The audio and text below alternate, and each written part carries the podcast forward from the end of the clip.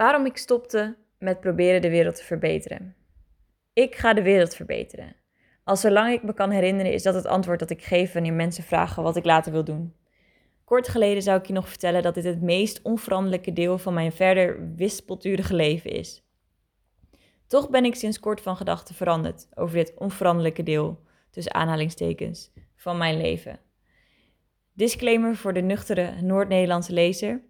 Er is een kans dat de redenen voor deze ommezwaai zweverig of, zoals het woordenboek het opschrijft, goed bedoeld maar erg vaag vind. Ik beloof je bij deze om zo concreet mogelijk te blijven. Uh, het had twee redenen dat het veranderd is.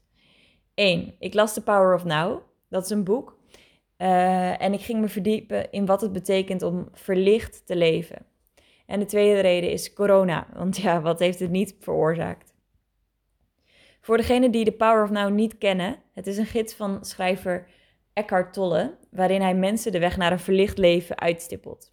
Hij baseert zich hierbij op zijn eigen ervaring, waarbij hij midden in zijn depressie dacht: Ik kan niet met mijzelf leven. Toen vroeg hij zich af waarom hij zichzelf opdeelde in tweeën. Zijn ik kon immers niet met zichzelf leven. En hij uh, liet de tweede ik los. Uh, en toen zag hij opeens de wereld op van een compleet nieuwe kant. Om deze staat van verlichtheid te ervaren, zo zegt hij, laat je de denkende zelf, ook wel het ego, los en leef je volledig in het nu.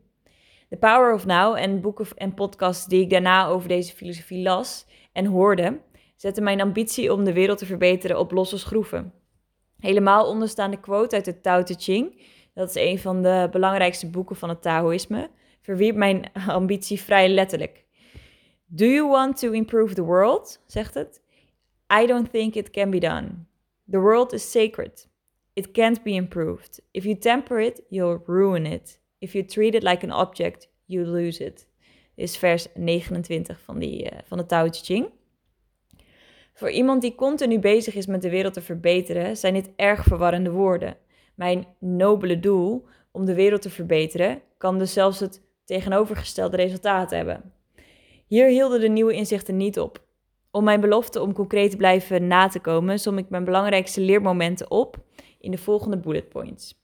Eerste. Je bent geen beter of slechter mens of je nu wel of niet bezighoudt met het verbeteren van de wereld. Onbewust had ik mezelf en mijn ambitie toch een soort superheldenstatus gegeven, waar natuurlijk geen zak van klopt. In de woorden van Dan Millman, die het boek The Way of the Peaceful Warrior schreef, It doesn't matter what you do, only how well you do it.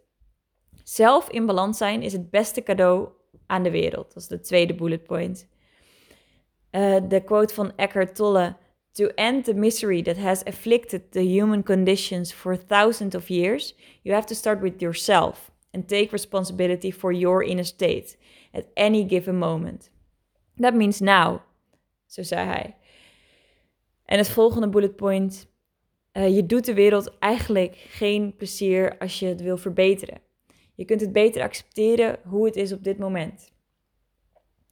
De tijd die corona aan velen van ons gaf, dwong me om na te denken uh, en te reflecteren. Dit was genoeg om mijn, wankelen, mijn al wankelende idealen de afgrond in te duwen. En zo ging ik van een gedreven, doelgericht leven naar een leven met geen doel, nog richting. Top. Aan het begin overheerste de gedachte om maar helemaal te stoppen met al mijn wereldverbeterende activiteiten, dus aanhalingstekens, en verder een simpel bestaan te leiden. Want waarom zou ik ermee doorgaan wanneer het toch geen zin heeft?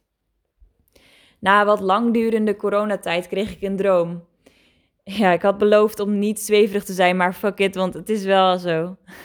In die droom vroeg iemand mij om, uh, om te beginnen met een of ander wereldverbeterend project. Was niet specifiek genoemd wat voor project. Dit was echt een mini-onderdeeltje van een droom die ik me verder überhaupt niet zo goed kan herinneren. Maar ik werd wakker met zoveel enthousiasme en ik wilde echt meteen beginnen.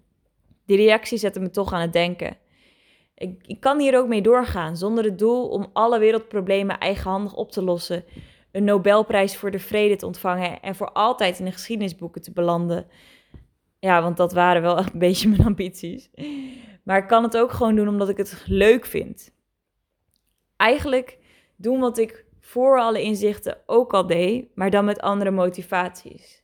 Want ik ben niet beter dan een andere persoon met andere bezigheden. En ik hoef me niet uit de na te werken om maar zoveel mogelijk impact te maken. Want ik maak juist impact door zelf in balans te zijn.